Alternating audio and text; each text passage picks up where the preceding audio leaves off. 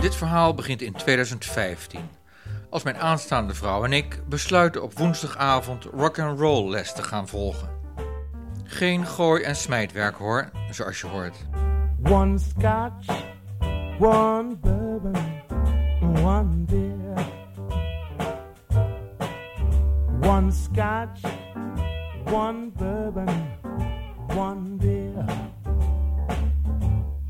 Tussen de nummers door moet ik even gaan hangen aan de tafelrand wegens vermoeide benen. Toch gek voor een jonge vent die veel fietst en die redelijk in vorm is. Het dieptepunt van mijn verhaal doet zich voor in februari 2021, zes jaar later, als ik in mijn dagboek schrijf. Sinds ik in december 60 ben geworden, lijkt het aftakelingsproces zich rap te hebben ingezet. Een gesprek met orthopedisch chirurg Sven in Den Haag geeft weinig hoop. Er zijn geen probate middelen om de degeneratie van mijn ruggengraat te keren of te vertragen. Ik zie mezelf binnenkort achter een rollator lopen, want zo slecht kan ik me voortbewegen. Fysiotherapie zou kunnen helpen, maar bij wie en hoe is onduidelijk. Ik heb ook de ervaring dat eh, sommige patiënten die lopen weg met de ene fysiotherapeut en de volgende weer niet. Dus ik, ik, ik kan nu best een, een aantal mensen aan de hand doen. Maar ik durf niet mijn hand in het vuur te steken dat ook die persoon bij u zeg maar, het beste werkt. Ik heb dan al vier fysiotherapeuten versleten. Ja, ik ben natuurlijk een, een, een deelspecialist eh, op één klein gebiedje. Ik besluit maar eens te googlen op internet. En ik stuit al snel op een wetenschappelijk onderzoek van een organisatie die verbonden is aan het Leids Universitair Medisch Centrum.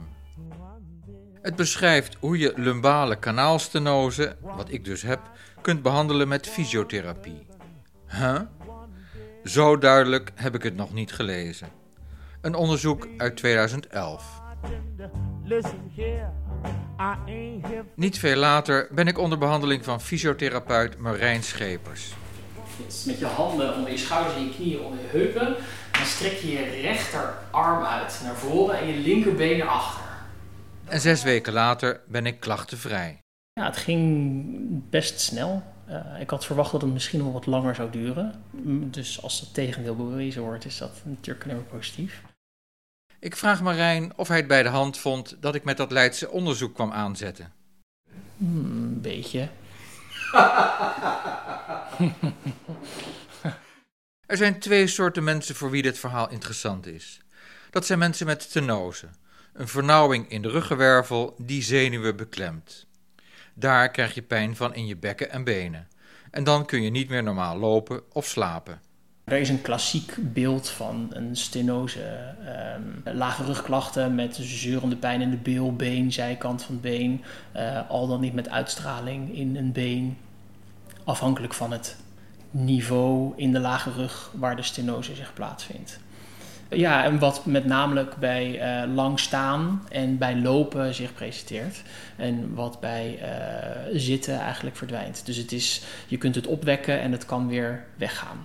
Maar ook als je geen stenose hebt, kun je leren hoe je met gezondheidsklachten een actieve houding kunt aannemen op weg naar genezing. Want genezing of verlichting gaat vaak niet vanzelf. Daar moet je wat voor doen, samen met je behandelaars en met jezelf.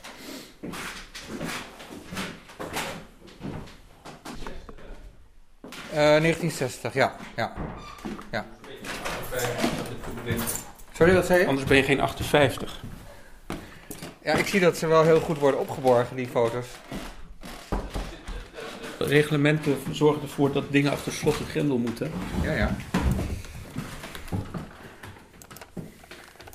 Het is maart 2019 als ik op bezoek ben bij fysiotherapeut Sietse Haan om met hem naar mijn MRI-beelden te kijken.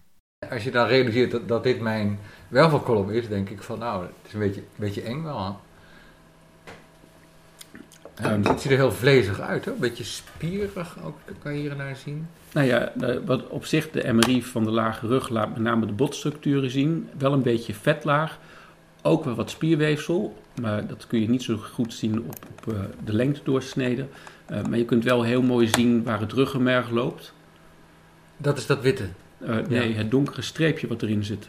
Maar dat is, dat is, Ja, dat is het ruggenmerg. En dat witte wat er omheen zit, dat is de, de, de ruggenmergsvloeistof. dat is een soort bescherming of zo?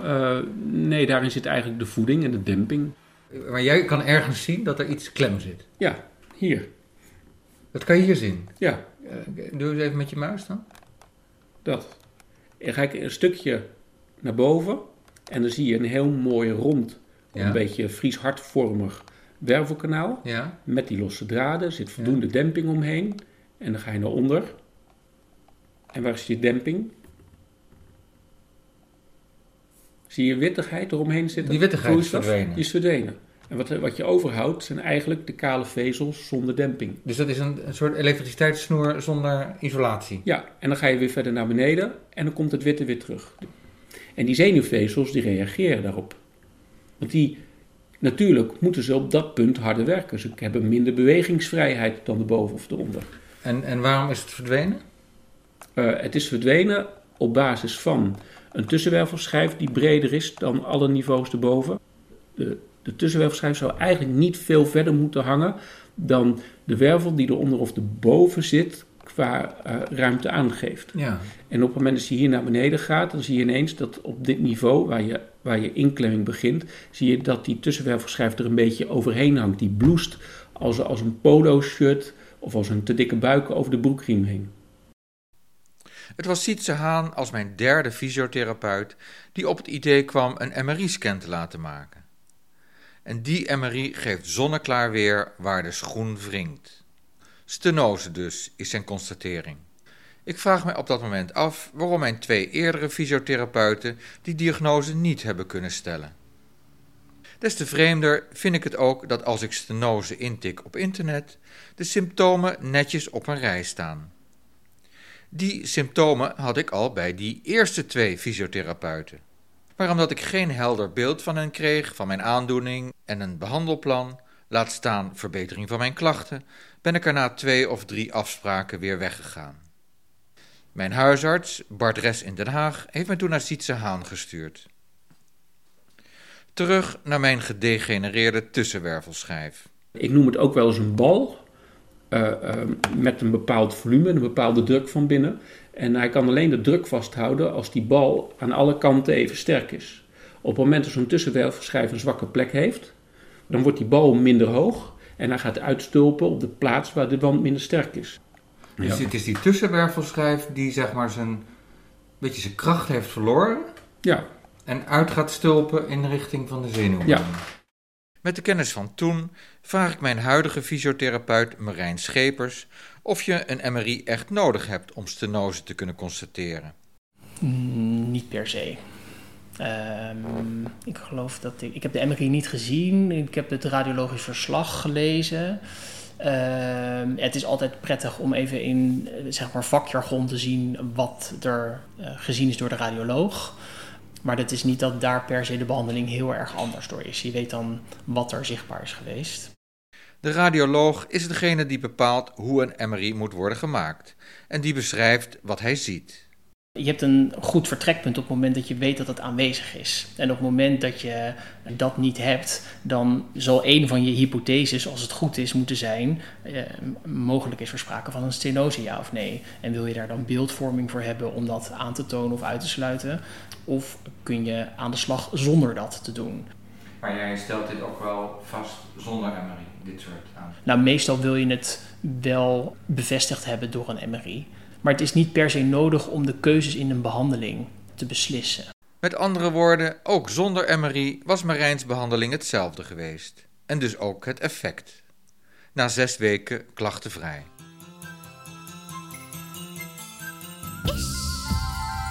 We maken even een uitstapje naar India. Daar heb ik, even voor mijn interview met Sietse Haan, 2,5 week gefietst.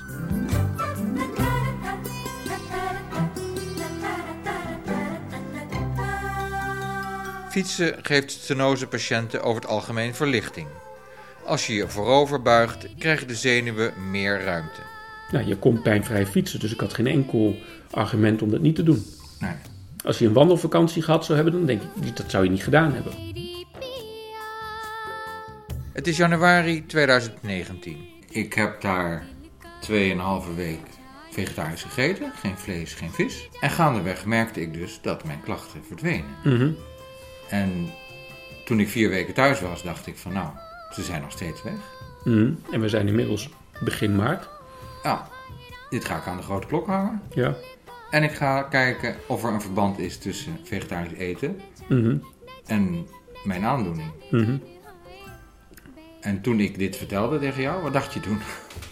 Toen ik dat begreep dat je het relateerde aan een veranderd dieet, toen dacht ik dat is interessant, want dat is iets wat namelijk in de manier waarop in het medisch spectrum naar dit soort klachten wordt gekeken nooit wordt benoemd. Maar de bottom line is dus dat ik met Sietse Haan kijk naar MRI-beelden waarop je weliswaar een stenose kunt zien, maar waar ik op dat moment geen last van heb. Hoe verklaart Sietse dat?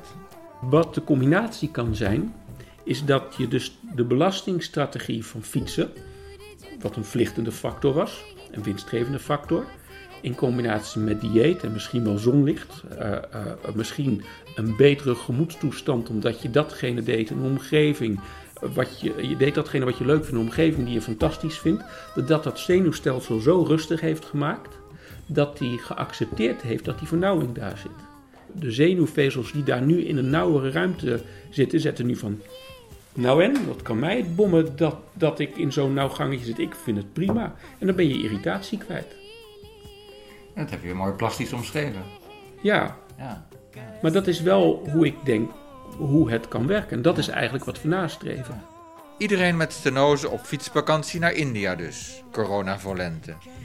Maar iets dichterbij mag ook. Als er maar zon is, je geen vlees of vis eet, je je lekker voelt en je de drank maar laat staan. Want dat hadden mijn vrouw en ik ook gedaan. Fysiotherapeut Marijn Schepers bevestigt de woorden van zijn collega. Dat is dus ook een van de redenen waarom foto's niet per se altijd zinvol zijn. Omdat je bij veel mensen van 60 plus eh, zal zien dat er een stenose zichtbaar zal zijn op een MRI, eh, maar er helemaal geen klachten hoeven te zijn. Kijk, op het moment dat iemand hele typische klachten heeft en er is een stenose aanwezig, dan zou je die relatie best wel kunnen leggen. Maar daarmee is niet gezegd dat als de stenose zichtbaar is op beeld, dat iemand ook klachten hoeft eh, te hebben. Mijn conclusie is dan: gezondheidszorg is geen wiskunde. In de zin van dat er een duidelijke oorzaak is en een duidelijk gevolg. En het is ook geen WYSIWYG. What you see is what you get. Wij hebben als mens behoefte aan helderheid. Dus wij maken graag dingen simpel. Je kunt niet zo zwart dingen zetten. Het is vaak, eh, je krijgt een grijs tint alleen op basis van een mengsel tussen zwart en wit. En welke, welke in welke hoeveelheid erbij komt, ja, dat durf ik van tevoren niet te zeggen. Aan de andere kant kun je misschien juist wel zeggen dat gezondheidszorg wiskunde is. Want stel dat je als uitkomst 7 wilt krijgen, daar kun je dan 3 en 4 voor bij elkaar optellen. Maar ook 1 en 6 of 2 en 5 voor hetzelfde resultaat. Moeten we bang worden van dat soort onzekerheden? Zeker niet. Het biedt je juist de mogelijkheid om te zoeken naar een combinatie die voor jou werkt.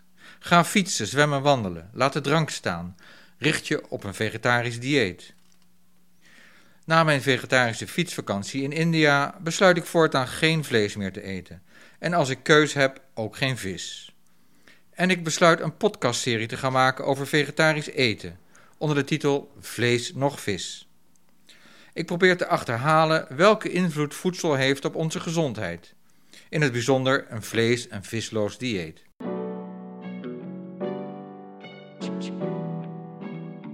Eerst maar eens kijken of er carnivoren zijn op de huishoudbeurs. Het kloppend hart van Nederland, die juist dan plaatsvindt. En, en u bent eh, moeder? Ja. En eet u wel eens vegetarisch? Eigenlijk nooit. Nooit, nee. Ja, tussen de middag als lunch zeg maar, maar avondeten niet. Mijn man is ook echt een vleeseter, mijn zoon ook. Dus ja, en ik ben degene die kookt, dus ja, dan eet zij ook vaak gewoon vlees mee. En als zij nou vraagt, ma, eh, laten we één keer in de week met het hele gezin vegetarisch eten. Ik denk dat ik dan, nou nee, ik krijg geen ruzie, maar ik denk niet dat ze het leuk zullen vinden. Wij zijn gewoon gek op een stukje vlees. Op een filmfestival spreek ik Nico Kofferman, medeoprichter van de Vegetarische Slager en lid van de Eerste Kamer voor de Partij van de Dieren. Hij introduceert de film Eating Animals. Waar gaat die film over? Het is een, ehm, een jonge vader die eh, bij de geboorte van zijn zoon. Hij is af en toe vegetariër, af en toe vleeseter. Hij weet het niet zo goed. En bij de geboorte van zijn zoon neemt hij zich voor om te gaan ontdekken wat hij het beste voor zijn zoon te eten kan geven. En hij komt tot de conclusie dat er geen verschil is tussen goed en fout vlees, maar dat al het vlees gewoon fout is. Ik ga ook naar een vegetarisch etentje bij mensen thuis in Limburg. Ik ben toevallig gisteren met, vanuit het werk dat ik doe met een cliënt die ik begeleid bij de neurochirurg geweest. Die ook een stenose heeft. Oh ja? Ja. Dus ik heb gisteren helemaal plakje voor plakje op de MRI gezien hoe dat eruit ziet. Ja, ja. Wat, wat voor werk doe je dan? Ik, eh, ik werk in de psychiatrie. En heeft hij nog eh, gehoord eh, wat hij eraan kan doen? Ehm, nou, zij ehm, heeft het in een hele ernstige gevorderde vorm. Ze zit eh, het grootste gedeelte van de dag in een rolstoel, omdat ze gewoon echt geen kracht meer in haar benen heeft. Dus bij haar wordt wel echt een operatie eh, aangeraden. Maar dat is zo gegroeid dan, denk ik, in de loop der tijd. Ja, ik ken haar nu vier jaar en het is in vier jaar heel, heel hard gegaan. Maar zij is eigenlijk heel lang niet naar een, eh, naar een arts geweest. Ze heeft er eigenlijk nooit naar laten kijken. Totdat ze niet meer eronder uit kon. Ja, Ja. want ze had, ze had het niet zo op arts eh, begrepen. Nee, En hoe Ja. oud is ze?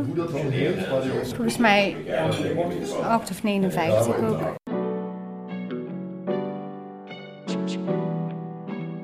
Dat is even schrikken als je zelf ook lijdt aan stenose. Over operaties hebben we het later nog. Kort daarna spreek ik Nart Klabbers van TNO. Klabbers werkt voor het onderzoeksprogramma Personalized Nutrition and Health, waarin wordt gekeken naar hoe je gezondheid kunt meten en hoe je daar een persoonlijk dieetadvies aan kunt verbinden. Een van de tests die ze doen werkt als volgt. echt een milkshake te drinken met heel veel suiker, vet en eiwit. En die milkshake die drink je op een nuchtere maag. En met metingen die je zelf doet voor en na het nuttigen van die milkshake, zie je eigenlijk hoe je lichaam reageert op die milkshake. Na zo'n overdosis aan voedingsstoffen wil elk lichaam weer in evenwicht komen. Hoe snel het lichaam dat kan, bepaalt je gezondheid op dat punt. Maar je kunt je lichaam voorbereiden op zo'n shake. Je kunt twee weken tevoren alleen maar wittebrood eten, of juist volkorenbrood. Groente en fruit, of patat. De resultaten zullen verschillen. Uit die tests kan dan een persoonlijk voedingsadvies rollen. Op basis van het hele pakket krijg je een advies over wat voor soort voeding ideaal voor jou zou kunnen zijn. En ze hebben dat dan opgedeeld in, ik geloof, zeven verschillende types. De ene die dan wat meer eiwit moet, de andere die wat meer koolhydraten eten enzovoort. Dus dat is dan ook ja, personalisatie op dat eh, niveau. Helaas varieert het onderzoek niet tussen wel en geen vlees en vis eten. Maar wat ik wil eens zeggen is dat er zijn heel veel verschillende voedingspatronen eh, in de wereld. In ieder geval van één voedingspatroon weten we heel zeker dat het niet gezond is. Dat is zeg maar het westerse voedingspatroon. Met heel veel hoogbewerkte eh, producten. En sowieso ook heel veel.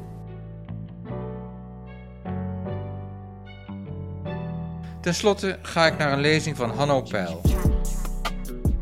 Als we ouder zijn dan 65, dan heeft eh, bijna 80% van de Nederlanders heeft één of meer chronische ziekten. Dat zijn getallen van het CBS uit 2016.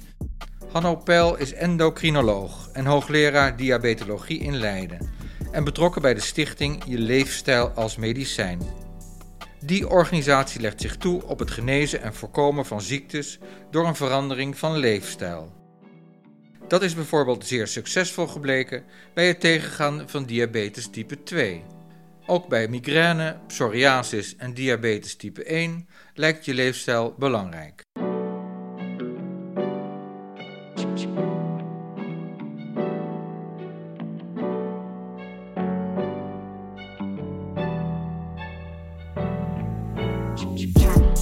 Wetenschap vertelt ons ook dat uh, we in de loop van ons leven celschade in onze cellen uh, verzamelen.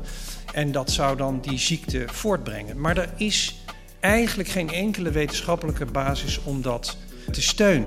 Sterker nog, we weten uit uh, verschillende gebieden in de wereld, de zogenaamde blue zones. Ik denk ik, misschien dat velen van u daar wel eens van gehoord hebben. In die blue zones, dat zijn gebieden in de wereld waar uh, mensen in de eerste plaats heel erg oud worden. Over het algemeen zijn er tien keer zoveel mensen boven de 100 dan in andere gebieden van de wereld. Maar dat niet alleen. Uh, in die gebieden komt ook, komen heel weinig van al die chronische aandoeningen waarmee wij worstelen in de maatschappij uh, van vandaag, komen daar niet of nauwelijks voor. En daar is veel onderzoek gedaan. Uh, er is gekeken van ja, komt dat dan omdat die mensen uh, genetisch anders zijn? Nee, dat heeft heel veel te maken met hun manier van leven.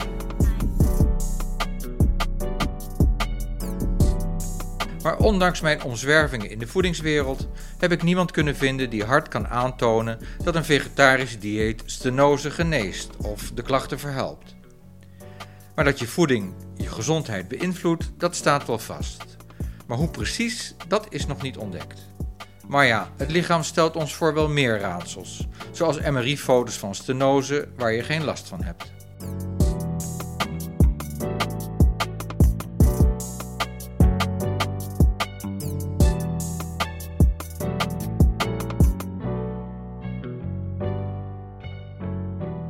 Maar begin 2020 komt corona over ons heen.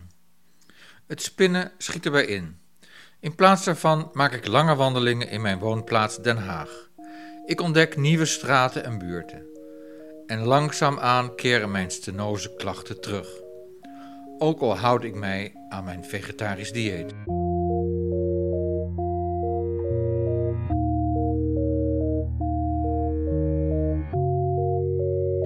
Ik ga weer langs bij fysiotherapeut Sietse Haan. Het is gisteren naar een oorzaak. Hoewel het wandelen mij goed afging, zou daar een oorzaak kunnen liggen. We laten een nieuwe MRI maken om erachter te komen of de situatie verergerd is. Dat blijkt niet het geval. Dus wat nu? Ik vraag Sietse om een toelichting op de MRI op papier in gewone mensentaal en een behandelplan. Ik krijg geen van beide, ook niet na herhaalde verzoeken. Ik ga nog wel een keer naar een andere fysiotherapeut in de kliniek waar Sietse werkt. Maar ook zij kan mij geen perspectief bieden.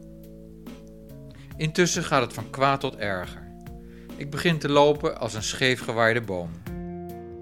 Boodschappen doen op 100 meter van mijn huis is een crime, vooral als ik een gevulde boodschappentas moet torsen. Wandelen doe ik met mijn vouwfiets als ondersteuning. Het is nog net geen rollator. Ik overweeg corticosteroïden. Dat is een hele zware pijnstiller die in je ruggengraat wordt gespoten. Dat zou dan een paar maanden moeten werken. Maar mijn huisarts overtuigt me ervan dat het een paardenmiddel is met veel bijwerkingen. Toch maar niet dan. In januari heb ik in Den Haag een gesprek met orthopedisch chirurg Sven. Die legt me uit wat hij ziet in de MRI. Over het algemeen vind ik zowel de foto als uw, uw uh, niet uh, zeg maar heel ernstig versleten. Maar het is wel een rug waar wat, wat slijtagekenmerken te zien zijn.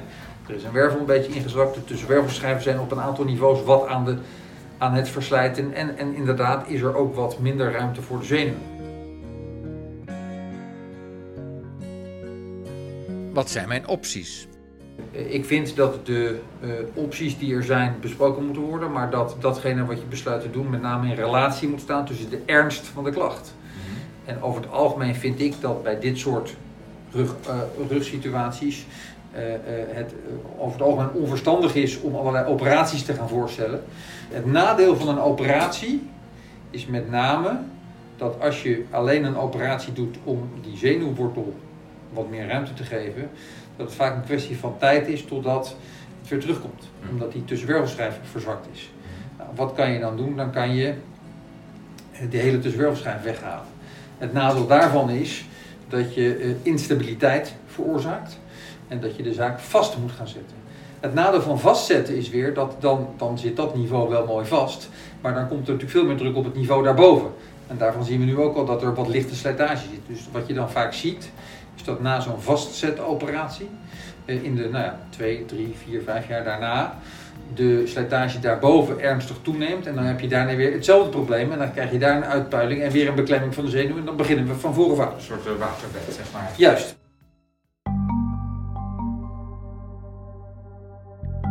Oftewel het verplaatsen van de problemen. Misschien is het een idee bepaalde dingen te doen en andere te laten. In mijn beleving is het vaak belangrijk dat de patiënt zelf snapt wat het probleem is en wat hij wel of niet kan doen om het te verbeteren.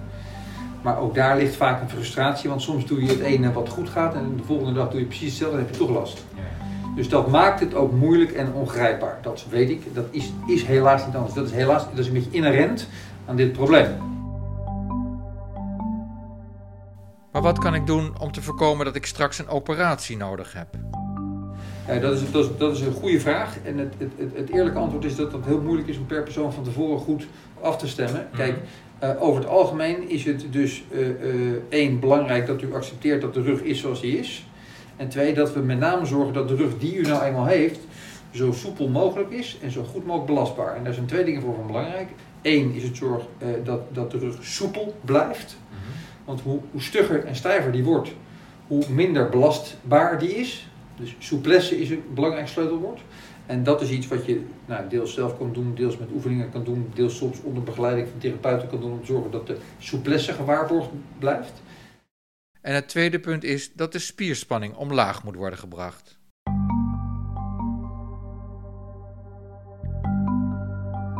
Dus als je aan de ene kant oefeningen doet om de rug soepel te houden en aan de andere kant zorgt dat de spierspanning niet te hoog wordt, dan heb je een goede weg om, uh, nou, dat is in mijn ogen de meest ideale situatie om wat u vraagt te voorkomen dat het erger wordt. Ja, ja. Maar ook al doet u dat perfect, dan nog heb ik geen garantie dat het niet erger wordt.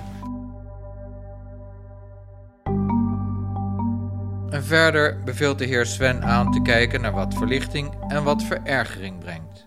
Trial and error. En daar mijn bewegingspatroon op aanpassen. Ook raadt hij mij aan naar een fysiotherapeut te gaan. Die ziet u over een, een periode uh, tijd een aantal maal en, en kan meerdere dingen tegelijkertijd nakijken en behandelen. En, en, en ja, ik ben natuurlijk een, een, een deelspecialist uh, op één klein gebiedje. Uh, waar ik wat over kan zeggen. Maar er, er zit voor dit soort problemen, met name met belendende gewrichten, wel een voordeel in, in de begeleiding van de fysiotherapeut. Maar de heer Sven wil geen bepaalde fysiotherapeut aanraden. Ik heb ook de ervaring dat sommige patiënten die lopen weg met de ene fysiotherapeut en de volgende weer niet.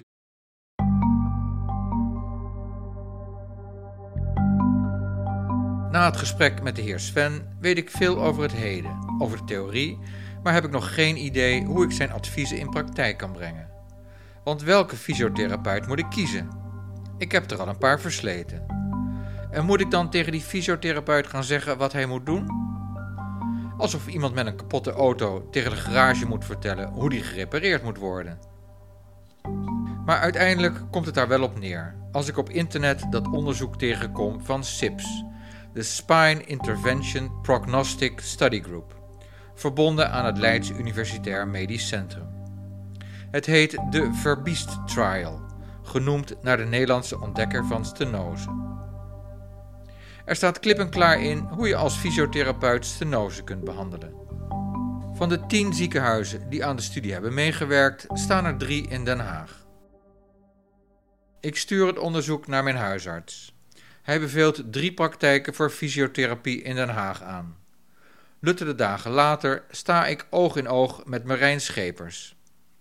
Hij weet dan al veel van mij, want ik heb mijn ziektegeschiedenis van de afgelopen jaren met enige regelmaat opgeschreven. Heeft dat geholpen? Zeker, vooral voor het beloop voorafgaand voordat je bij mij kwam. Um, dus wat er in de tijd allemaal heeft gespeeld aan klachten en symptomen. Je vergeet heel snel pijnklachten, uh, gelukkig maar. Uh, maar je weet vaak niet meer als het eenmaal goed gaat hoe het eigenlijk geweest is. Het is best leuk om dat terug te lezen, of in ieder geval leuk, uh, te zien hoe het dan ooit is geweest. Ja. Omdat je weet hoe het hele ziekteverloop gaat, kun je een beetje inschatten waar iemand zich ongeveer bevindt in de tijdlijn, gemiddeld genomen. nou, als je als persoon er zelf last van hebt, dan weet je niet zo goed wat er nog gaat komen en wat het gemiddelde beloop is van zo'n klacht. Dus dan kun je jezelf ook niet zo goed op de tijdslijn plaatsen.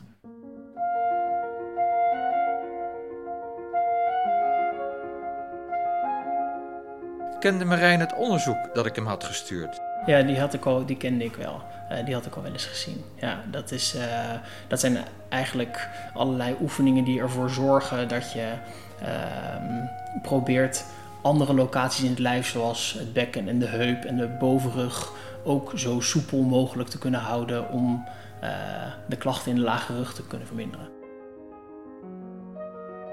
De stenose, zoals dat heet, dus de, de vernauwing, die kun je niet verhelpen. Dus die blijft daar zitten.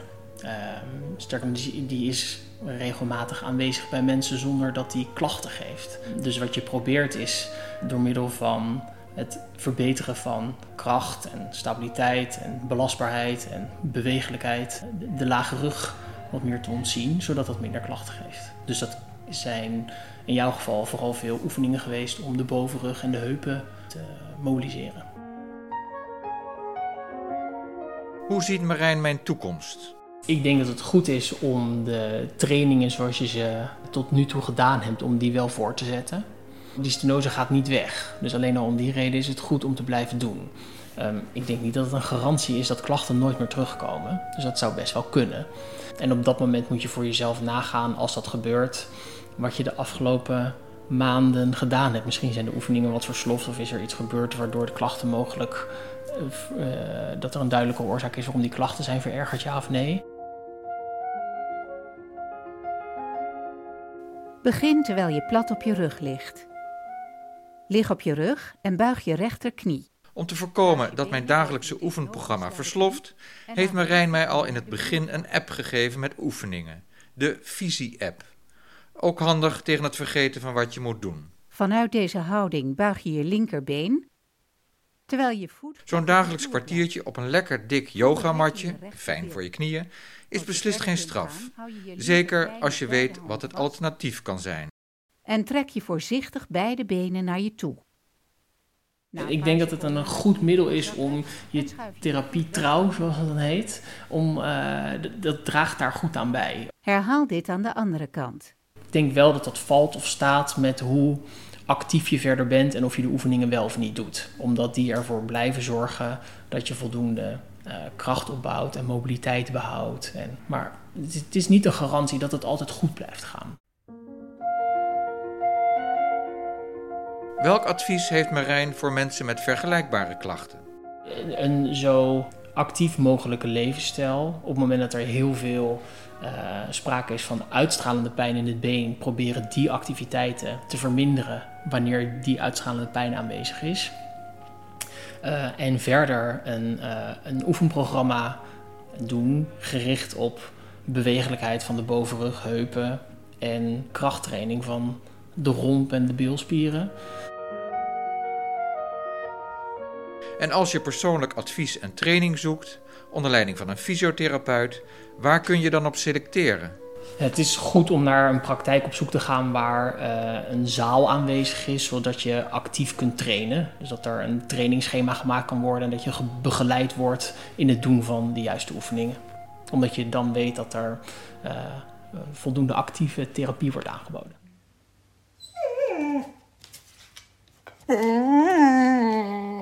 En dit is Frankie, onze uitlaathond. Mijn vrouw en ik kunnen deze bliksemschicht nu weer de volle 11 kilometer uitlaten. Dat heet het grote rondje, zonder dat ik daar mijn pseudo-rollator bij nodig heb. En wie weet gaan we binnenkort weer fietsen in India. Of langs de Elbe.